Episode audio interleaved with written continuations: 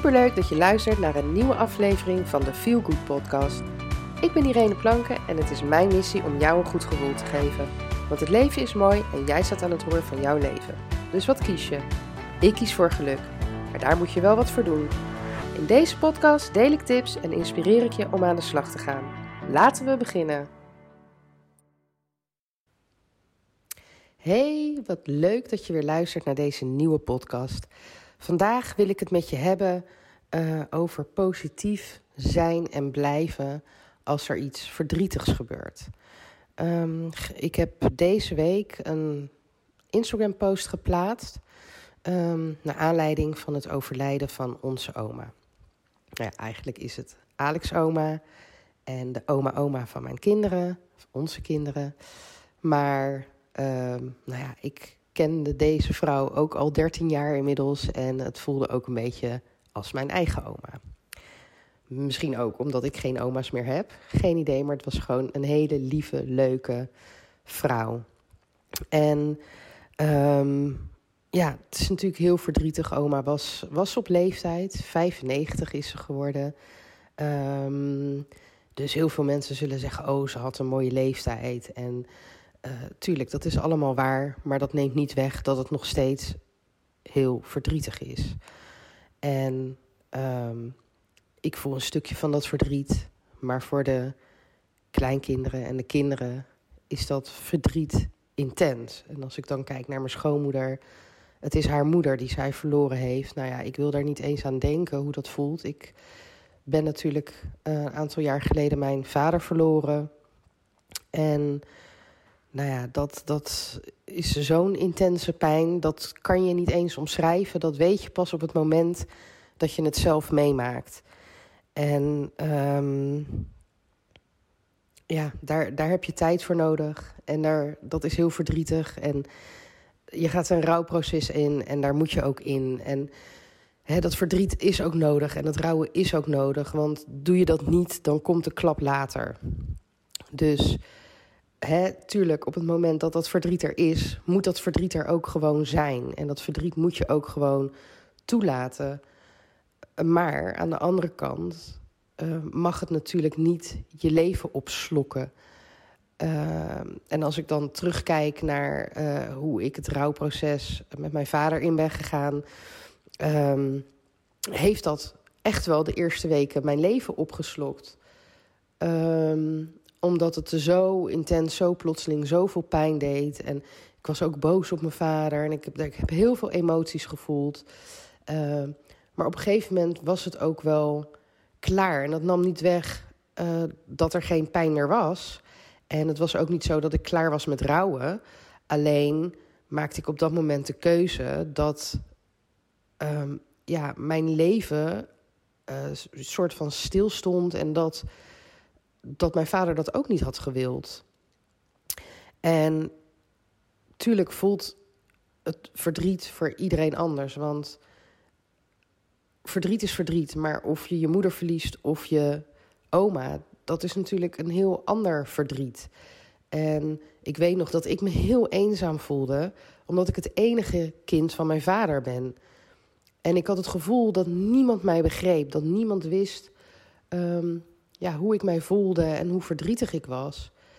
Maar zelfs als ik wel een broer of zus van mijn vader had gehad, um, dan hadden wij allebei dat verdriet natuurlijk anders kunnen ervaren. Want verdriet is gewoon heel persoonlijk, zoals dat met iedere emotie is. Iedereen gaat ook anders om met die emoties.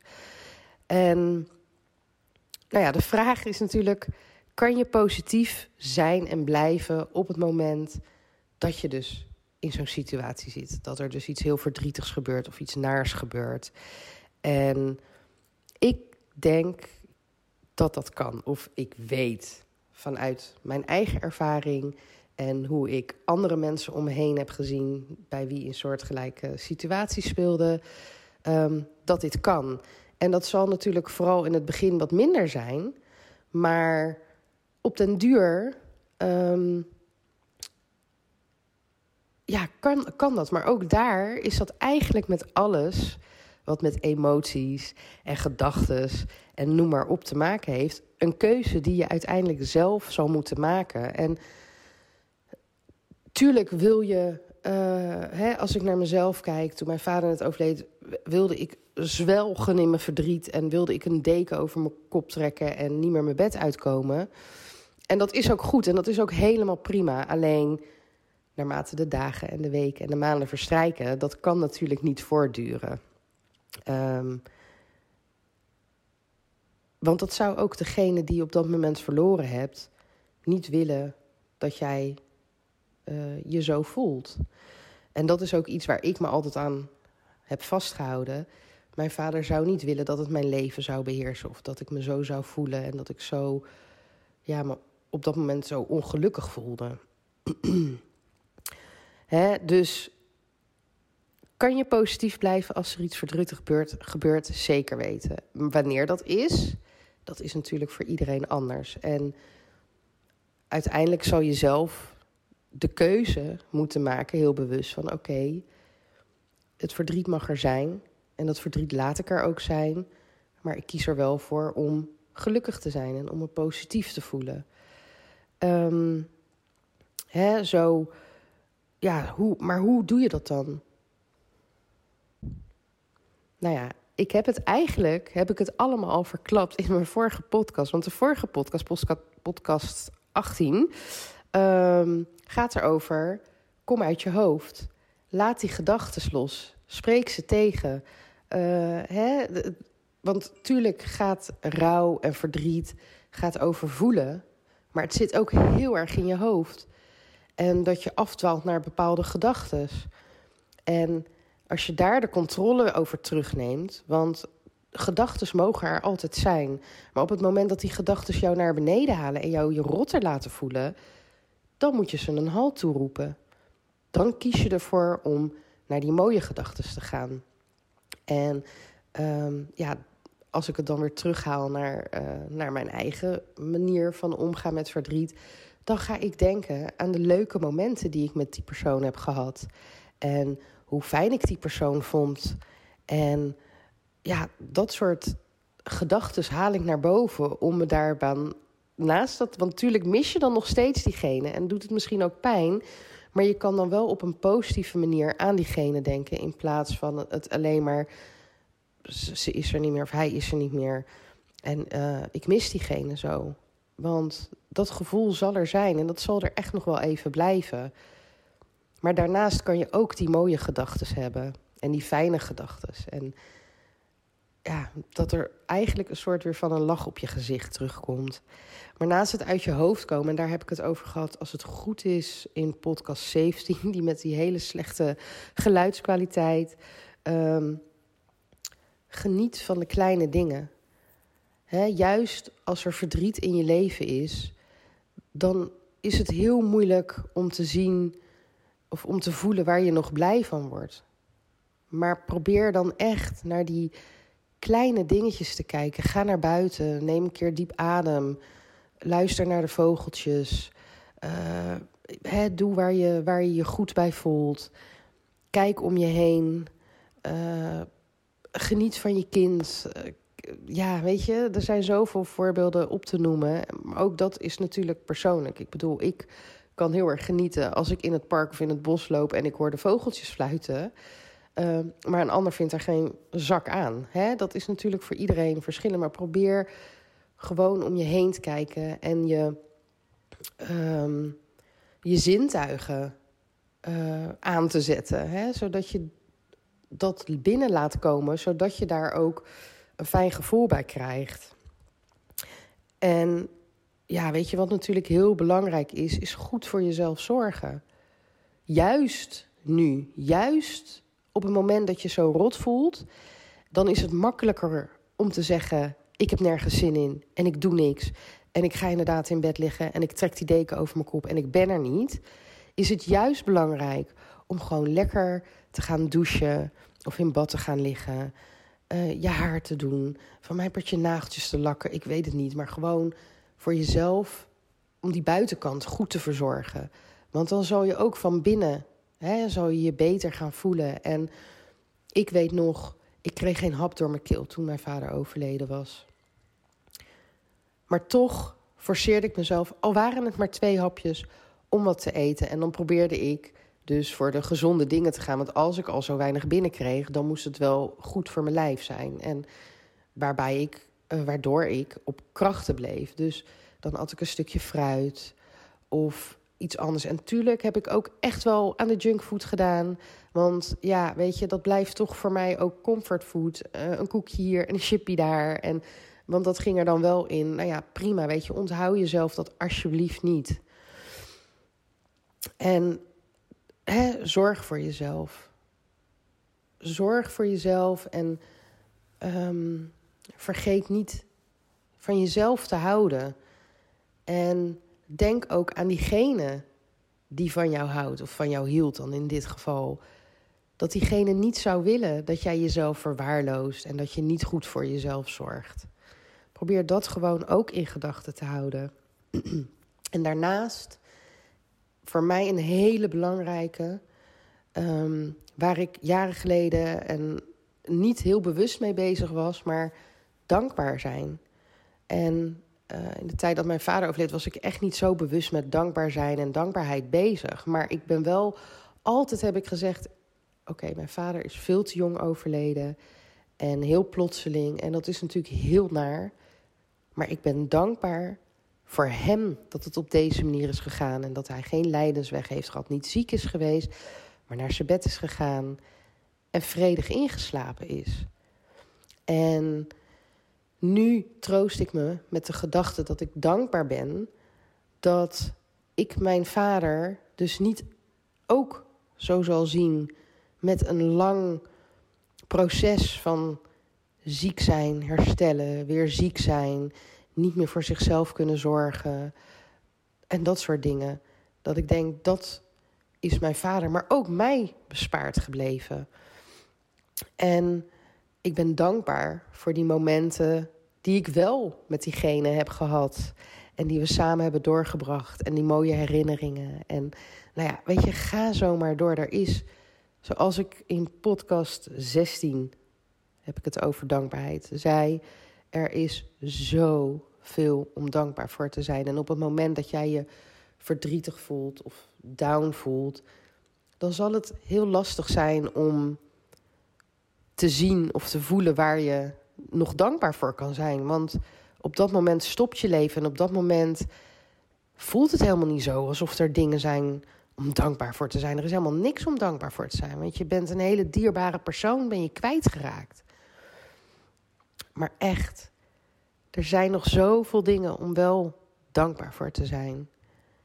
Je kinderen, je gezin, je partner, uh, je ouders die er dan nog zijn, uh, je kleinkinderen, weet ik het wie, je vrienden, je familie. En dan heb ik het alleen nog maar over personen. Maar ik ben, hoe stom het misschien klinkt, en voor mensen die zelf geen hond hebben, zal dat helemaal gek klinken. Maar ik ben bijvoorbeeld heel dankbaar dat ik mijn hondjes heb.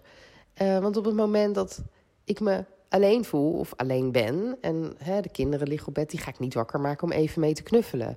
En Alex is aan het werk dan heb ik mijn hondjes waarmee je kan knuffelen en waar ik ook praat. Ja, dat. ik weet niet of ik dat wel hardop moet zeggen. Maar ik denk dat de mensen die zelf ook huisdieren hebben, dit zelf ook regelmatig doen. Maar ook dat is iets waar ik gewoon heel dankbaar voor ben. En niet alleen het feit dat ik tegen ze aan kan lullen en met ze kan knuffelen. Maar ook het feit dat ik door mijn hondjes gedwongen word om naar buiten te gaan. En nou vind ik dat normaal gesproken helemaal niet erg. Of het nou regent of niet. Uh, hè? Maar op het moment dat je niet lekker in je vel zit en je niet goed voelt, en om wat voor reden dat dan ook is, um, word ik gedwongen om naar buiten te gaan. En altijd als ik dat rondje heb gelopen met het en dat hoeft niet eens een heel groot rondje te zijn, voel ik me toch even iets beter dan voordat ik dat rondje heb gelopen. Dus daar ben ik ook heel dankbaar voor. Dus ja, weet je, op de vraag: kan je positief blijven als er iets verdrietigs gebeurt? ja, het zal echt niet makkelijk zijn. En je zal jezelf misschien ook echt wel een soort van schop onder je kont moeten geven met, met momenten. Uh, maar het kan. En je weet je, ook als je verdrietig bent, kan je nog steeds een gelukkig mens zijn. Want geluk hangt niet af van de situatie of de dingen die jou overkomen. Nee, het zit in jou. Jij bent degene die um, ervoor zorgt of je je gelukkig voelt of niet. Dus ook met je verdriet of met je boosheid of met welke tussenhaakjes negatieve emotie ook, kan jij nog steeds een gelukkig mens zijn. Alleen heb je op dat moment iets of meerdere dingen in je leven die even niet zijn zoals het zou moeten zijn. Maar het is aan jou om daar op een positieve manier mee om te gaan. En nogmaals, dat wil ik echt benadrukken. Verdriet moet er zijn. En verdriet moet je er ook laten zijn. Want rouwen is echt nodig. Ik weet nog dat toen mijn vader overleed. Uh, werd ik vanuit mijn toenmalige werkgever best wel gepusht. En dat was vrij snel na het overlijden van mijn vader. Dat het toch wel weer tijd werd dat ik weer gewoon ja, normaal werd. Waarbij ik dacht, maar ben ik dan gek? En ik naar de huisarts ben gegaan. En daar werd me echt verzekerd, meis je hebt gewoon, er staat gemiddeld een jaar voor een rouwproces. En de een die is daar met zes maanden klaar mee. De ander doet daar twee jaar over en misschien wel langer. Maar gemiddeld genomen is dat ongeveer een jaar dat je daar echt in zit. En die tijd moet je ook gewoon nemen. En je moet ook gewoon huilen. En je moet ook gewoon boos worden als dat is, dat is wat je op dat moment voelt, wat eruit moet. En ik weet nog dat ik uh, wij hebben toen, omdat mijn vader niet in Nederland woonde, um, hebben wij uh, alles gefilmd en foto's gemaakt. Uh, zodat de familie in Nederland die beelden kon bekijken. Um, en ik heb ook een kopie voor mezelf. Ik heb twee versies. Ik heb zeg maar de uncut, dus waar gewoon alles op staat. Ook de wat mindere beelden, zeg maar, die best wel heftig kunnen zijn. En ik heb één gecensureerde versie die ik voor de familie had gemaakt met mooie muziek eronder. En uh, ja, met de, met de fijne beelden, om het zo maar te zeggen. In hoever een afscheid fijn kan zijn. En ik weet nog dat ik op een gegeven moment, uh, naarmate de tijd verstreek, ik het steeds lastiger vond om dat terug te komen bij dat gevoel wat ik had toen het net gebeurd was. Maar dan voelde ik wel dat ik het nodig had om dat te voelen of dat ik het nodig had om te huilen. Want er, ja, je voelt dan alsof er een soort ja, blok op je maag ligt of er in iets vastzit in je hart en dat moet eruit, zeg maar. En dat lukte me dan niet. En dan ging ik dus expres, ging ik een van die versies ging ik kijken om even gewoon een lekker potje te janken. Want het moest er gewoon even uit en daarna voelde ik me dan zo, ja, goed klinkt misschien heel raar, maar dan was het een soort van opluchting en dan kon ik er weer tegenaan. Hè, dus je moet echt voor jezelf kijken, wat heb ik nodig? Wat werkt voor mij nu? Um, hè? En dat verdriet moet er zijn en dat rouwen moet er echt, daar moet je echt doorheen. Maar laat het niet ja, je, je, je, je, ja, je leven beïnvloeden. Laat het niet je leven beheersen in de zin van dat je dus tot niets meer in staat bent. En ja, weet je, positief. Probeer er op een positieve manier in te staan en aan de mooie dingen te denken en aan de fijne dingen. En dit is natuurlijk een heel lastig onderwerp en Um, daar is een podcast. Ja, daar, daar, daar kan je in een, in een wat, is het, 20 minuten niet um, alles gezegd hebben. Uh, maar mocht je nu bijvoorbeeld in een situatie zitten waarbij dit voor jou heel herkenbaar is, of dat je dit heel erg voelt, of dat het bij je binnenkomt, neem alsjeblieft contact met me op. Stuur een mailtje naar info.tantetruuskanalles.nl of stuur me via Instagram of Facebook een, uh, een DM. Ik ben bij beide te vinden onder Tante.